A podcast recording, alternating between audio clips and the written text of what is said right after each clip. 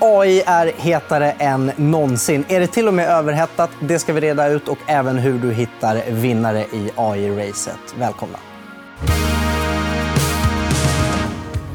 Och med mig i studion för att prata om det här har jag Neila Salkovic från GP Bullhound. Välkommen hit. Tack så jättemycket. Du, eh, AI-hypen fortsätter. Tuffa på som aldrig förr. Och många har sagt nu har det gått för långt länge. Har det gått för långt nu då? Ja, alltså jag skulle inte säga att det är en hype heller. Nej. Alltså det är ju ändå...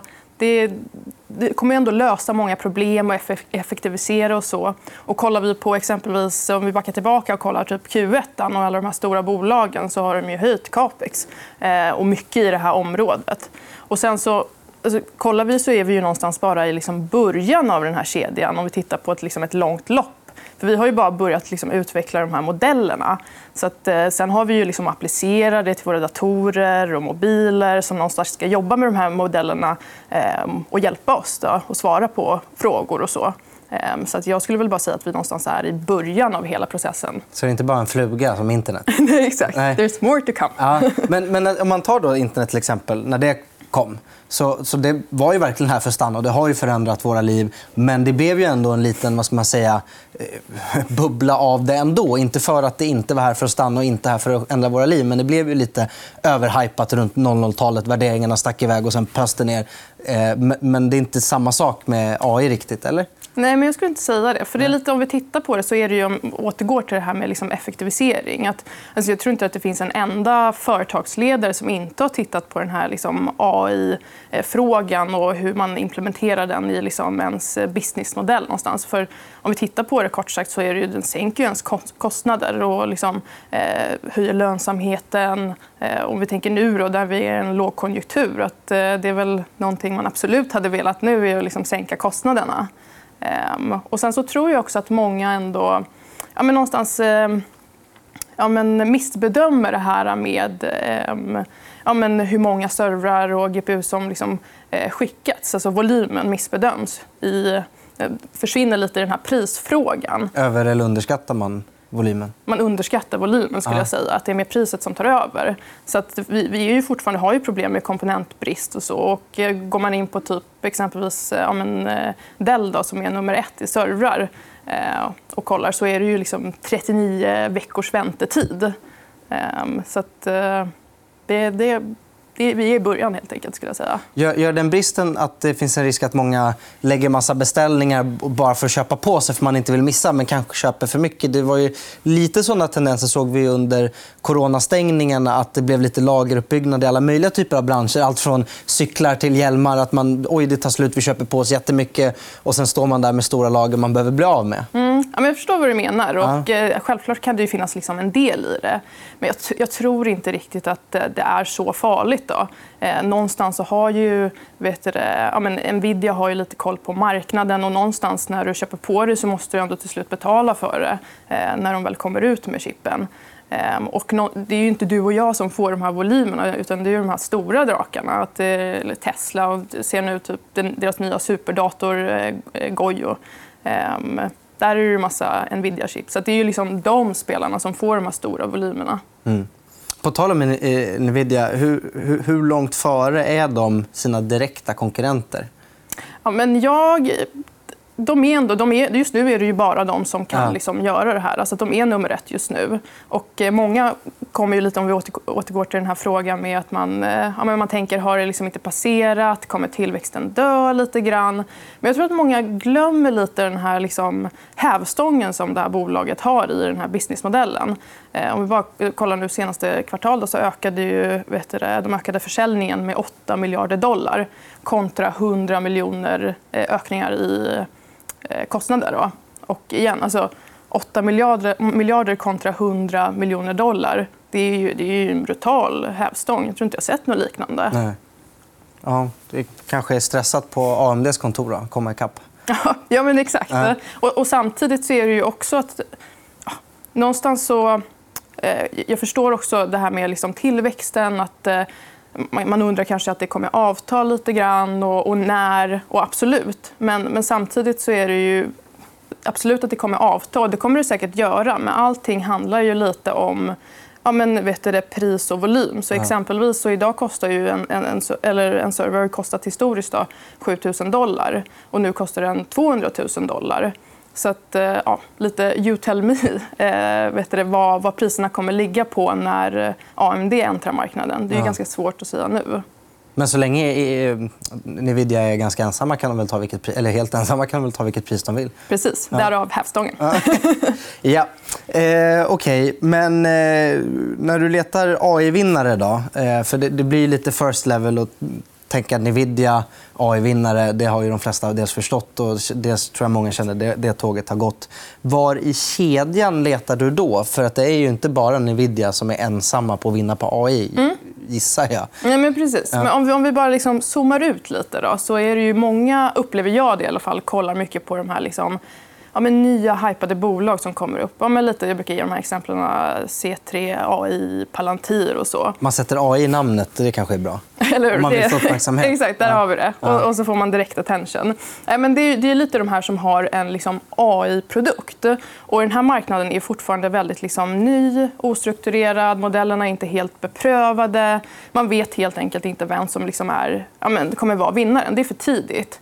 Eh, om, någonstans om vi zoomar ut och tittar på vad egentligen AI är och hur det funkar så, funkar det ju liksom, så kan man se det på två sätt. Då. Så har vi ena delen som är machine learning där vi egentligen bara har massa, massa eh, processorer. Eh, och sen andra delen där, det är liksom, där man kan ställa frågor och då behövs det ju datauppkoppling och så.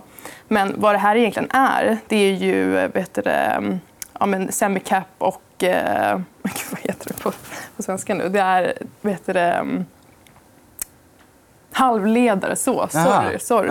Halvledare. Det här är ju egentligen, så vad det egentligen det här är, är ju halvledare och halvledarutrustning. Så att jag gillar ju, vet det, att titta någonstans på värdekedjan om vi zoomar ut den.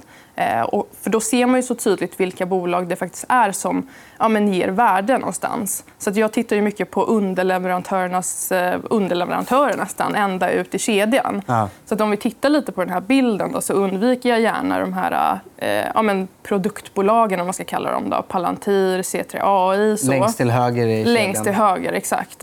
Och om vi istället kollar på bolagen ja, men längst till vänster, då, om vi börjar med ASML eh, som gör litografin. De lyser på kislet. Då. Ja. Och de är helt ensamma i hela världen. Alla, det är bara de som gör det? Bara de som gör det. Ja. Då kan man också ta hur mycket betalt man vill, eller? Ja, det kan man i princip, göra. Exakt. För det är svårt att säga för någon av deras då, kunder att de ska gå till någon annan. Nej, men så är det. det går ju inte. Det Nej. finns ju ingen annan. Så att alla de här komplexa vet du, chippen de går via en ASML-maskin. Ehm, och om vi tar ett steg vidare till själva produktionen då, så har vi ju eh, TSMC och där är de också 100% de som gör det just nu. Då. Sen har vi Samsung som lurar lite i vassen. Då. Men just nu är det ju bara dem. Eh, och vidare till vet du, processorerna så är det AMD och Nvidia. Då. Um, så att, eh, bolagen till höger undviker jag gärna. Bolagen till vänster tycker om de strukturerade, eh, hög tillväxt och levererar till alla. Så hellre leta långt tillbaka i kedjan än längst ut Precis. Och sen kan man ju gå in på detaljer och exempelvis TSMC och kolla på deras underleverantörer där vi har Applied Material, vi har KLA Tencor, vi har Lam Research. Det är också bolag som är jätteviktiga i den här processen eh, som jag tycker om att titta på. Och som också bör gynnas av AI-hype. Ja, ja, precis. Ja. Det, det, de är ju en del av kedjan och krävs för att, det ska, liksom, för att göra ett chip helt enkelt. Ja. Jag gissar att den typen av bolag som ASML, TSMC och även underleverantörerna till TSMC inte är jättebilliga värderingsmässigt, eller? Nej, det är de ju. Men det är ju också för att de är helt ensamma. Ja. Så att eh, just nu det är inte så många som ja, lurar i vassen. Då. Och, ja. Eh, då... Är det lite buy, buy once, cry once över den typen av bolag? Alltså, värderingen är hög, men man får svälja det? Eller? Ja, men lite eftersom att det finns en tillväxt över tid. skulle jag ändå säga. Och eh, igen, de, de, är ensamma. Det är ju hela världen någonstans skulle jag säga skulle stanna om ASML skulle stanna. Det är, det är de som gör de här komplexa chippen. Ah. Ja. Okay. Eh, men hur ser du på den politiska risken när det gäller eh, TSMC? Då? Alltså, det finns ju på Taiwan. Man är lite orolig. Jag vet att Warren Buffett köpte först TSMC och sen sålde han utan någon så jättebra förklaring ganska snabbt därefter. Många spekulerar i att han är orolig för just risken vad som ska hända mellan Kina och Taiwan. Mm. Hur ser ni på det där? Ja, ja alltså, självklart. Det är ju Eh, jag, jag förstår självklart att man ser en risk på det sättet. Men om vi tar Warren Buffett exempel på att man sålde TSMC för den politiska risken.